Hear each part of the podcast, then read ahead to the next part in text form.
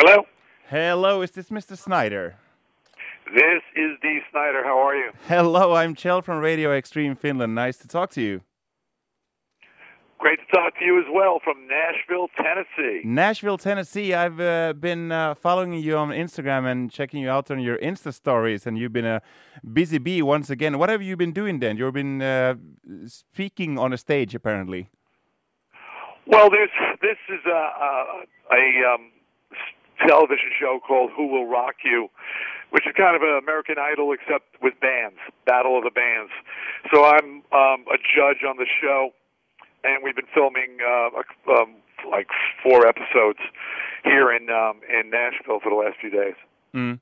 Well, about uh, you know, I, I, bet this is a question that quite many ask you, but um, about you know current rock and metal bands, are, do you have any favorites from the like the recent years?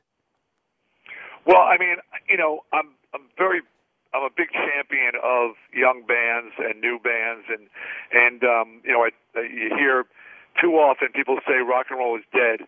That's old people saying that. and even though I'm an old person, I'm smart enough and aware enough, thanks to my my grown children who I've been going to concerts with, they're all metalheads, and they've been. I've seen there's so many young, talented musicians and bands out there. You know, there's plenty of great new music. It's just that the uh, older people don't really look too hard. You know, they, they oh, I don't. Know there's no good bands anymore. You know, it's, it's just BS. So um, yeah, I mean, I like a lot of what's going on today. So uh, you know, there's a, there's a ton of great new bands. Yeah, uh, one thing I mean, I, I, bet you've heard of them, the, the American band called uh, Greta Van Fleet. Yes. Yeah, and uh, some some media has been giving them a really hard time, and then be like, uh, uh, they've been like, um, you know, uh, some memes made about them because you know it's quite obvious that they that they have been listening to their share of '70s rock and especially Zeppelin, and some media has given them like a hard time, like, ooh, they're trying to sound like Led Zeppelin, and I don't really see you know the the the problem with it because you know people have been influenced by Led Zeppelin for decades now. It's not a new thing. And, you know, people have been influenced by Twisted Sister, and you can hear that in people's uh, music as well, you know, decades later after you record, recorded your classic. How do you see on this kind of, on this subject when, you know, there's some new young rock band or metal band and some media or some people just start saying like, oh, they're trying to sound like Led Zeppelin or Twisted Sister or Black Sabbath. What do you, what do you, what's your opinion on this discussion? Well, I, I think that these are great influences to have, you know. Um, and there's nothing wrong uh, and everything right with you know studying the classics and learning from the classics. Um, I don't like it when a band copies the set and they they they they're not doing anything new. They're imitating. Uh, back in the '80s, there was a band Kingdom Come. I don't know if you remember that. Yeah, yeah, yeah. And they released their album, and the and the um, the record company it was so close to Zeppelin that they leaked out that it was a new Zeppelin album, and it got a lot of attention because but it sounded exactly like Zeppelin, and it did it very good. So I mean, I think it's it's okay to be it's great to be influenced. One of the bands I saw last night, and I can't talk about names or anything like that, in the, in the but they showed influences from Beatles skiffle music. We're talking 1962 from the Cavern Club. I mean, it was great to hear, but it was mixed in with other things and it created a very unique sound for them. So, you know, when a band is influenced, I think it's the greatest thing in the world. When they just copy, um, I'm not a fan of that. Okay. Have you often like uh, heard something that your opinion has been like a Twisted Sister ripoff. Like you could like really clearly hear like, oh, this is like this is almost a ripoff or this is a ripoff. Um, you know, I, I'm not so self-absorbed that I think that, um, and uh, and I guess the biggest, un- the uniquest thing about uh, my band, uh, it, fortunately for me, is my voice. Um, which is why I'm putting out new music, you know, at this at 63, making new metal records because people think my voice is unique and and you know people can there is not, not another voice exactly like it. So um, no, I don't hear that. And again, I just you know I see these bands, uh, you know, that have that that hair metal 80s glam influence, and I think it's great, you know. I think I think it's great, especially when it's young musicians, because they hear it through a different. They see it differently. They see a romanticized version of it, you know, and they interpret it differently uh, to to their world. So, uh, but no, I haven't seen a, a, a Twisted Sister copy yet. Mm but people seem to really, really like your your uh, your latest album, For the Love of Metal. I mean, let's just you know, among friends of mine, old and young, you know, people listen to really extreme stuff. People who listen to you know more punk or more classic heavy metal. People are really into that album. From your point of perspective, I mean, you wrote it. Uh, what do you feel yourself that you are most proud of, or what do you feel that you succeeded with? You know, uh, better than ever with this one. You know, I, I mean, you know how happy it is. I mean, I've been hearing this for months now, but I never get tired of hearing it.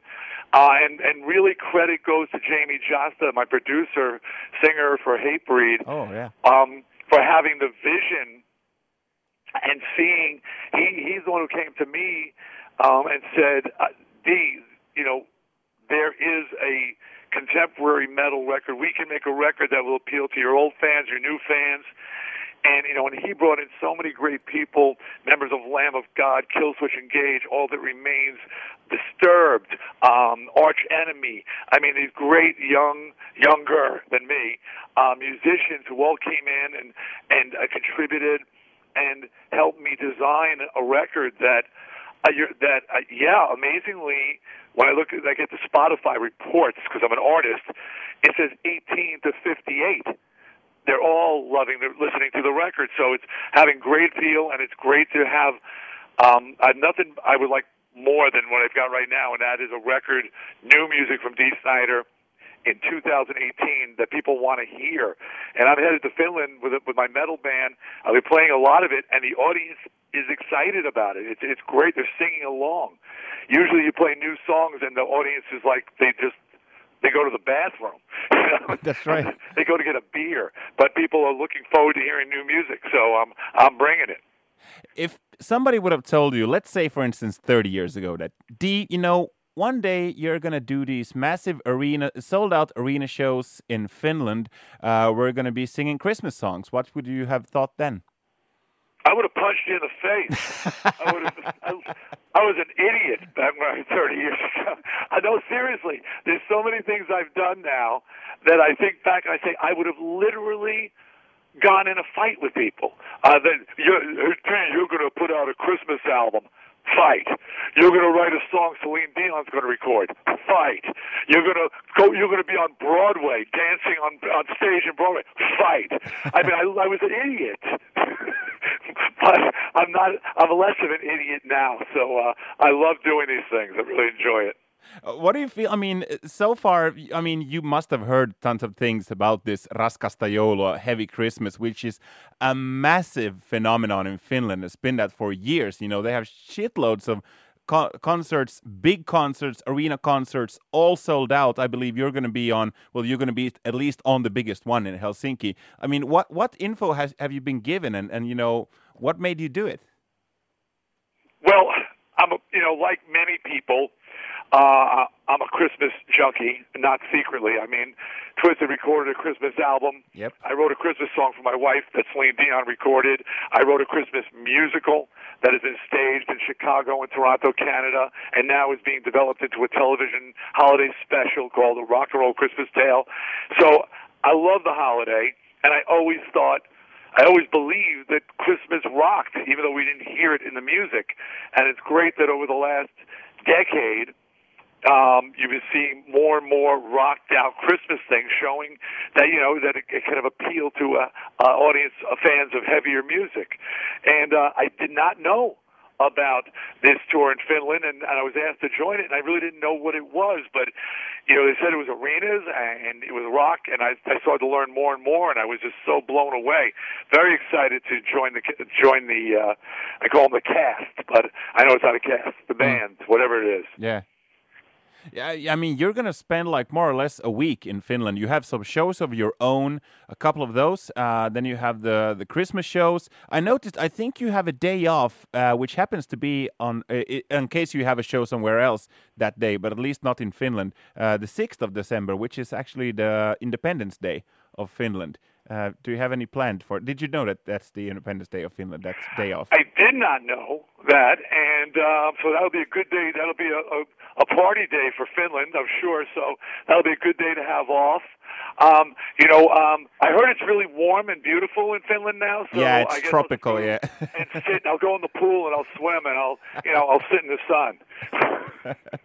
well, I, I just uh, read your book a while ago and I loved it. And there's, I mean, Thank th- you. and there, I mean, there's a million things I would want to ask, but I don't think we have the time. But uh, two two things that I just want to ask, ask you about. I mean, we don't have to mention names, but I believe everyone knows what we're talking about. There's a certain Swiss band that you that you are not too fond of because they didn't treat uh, members of your family really well. Um, you give them a, a fake name, Krampus, but I believe quite many people know what what band it is. Have they approached you or anyone from their like staff? Because I believe that band still exists or then ex- exists again. Have they approached you after you know hearing or reading those stories? Well, those um, those uh, Lollipop Guild members, if you know what that reference is. Yeah. Uh, I should say hobbits. Those hobbits uh, did not approach uh, uh, me personally or physically. One of them uh, tried to make a uh, tried to make started to make some sort of apology uh, to my wife, who they uh, the, who they uh, you know was the they insulted, insulted a bad word. They threatened her. Their people threatened to have my wife beaten up, uh, and uh, and Rod stole from her, and um, they and then after, but in in the apology, he insulted her some more uh, and it was uh, an issue over costumes that she made for them. Uh, so uh, they're morons, and I've I've had them removed from several festivals that I've been on. I've cost them money, and um, you know maybe one day I'll get to, you know, as we say in in New York, throw a beating on them. You know, so. Uh, but it's no fun beating up a hobbit.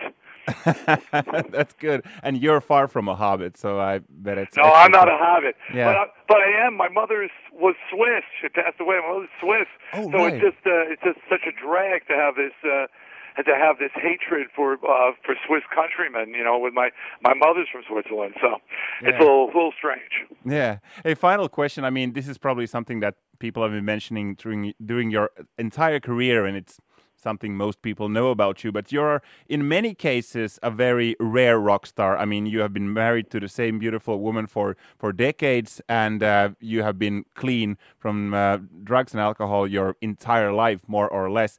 Are people still like doubtful when it comes to this? Are people sometimes thinking that, yeah, yeah, yeah, that's what he's saying, but then you know, at home he drinks whiskey or whatever. Are people sometimes doubtful, like, come on, you aren't serious about this, are you? Come on, have a, a line of coke or I think the ones who've been paying attention uh, over the decades realize that nobody is that good at keeping up a fake front for for 40 years. You can't, that like, all right, 40, he must be, yeah, I guess that's serious. And, you know, and look at him on stage. He's running around and jumping around and performing, you know, like the other guys can't do anymore. And that's because he's hasn't done drugs and he has, he's always worked out and stayed fit. And, you know, so I, I think the people who've been following me, they believe.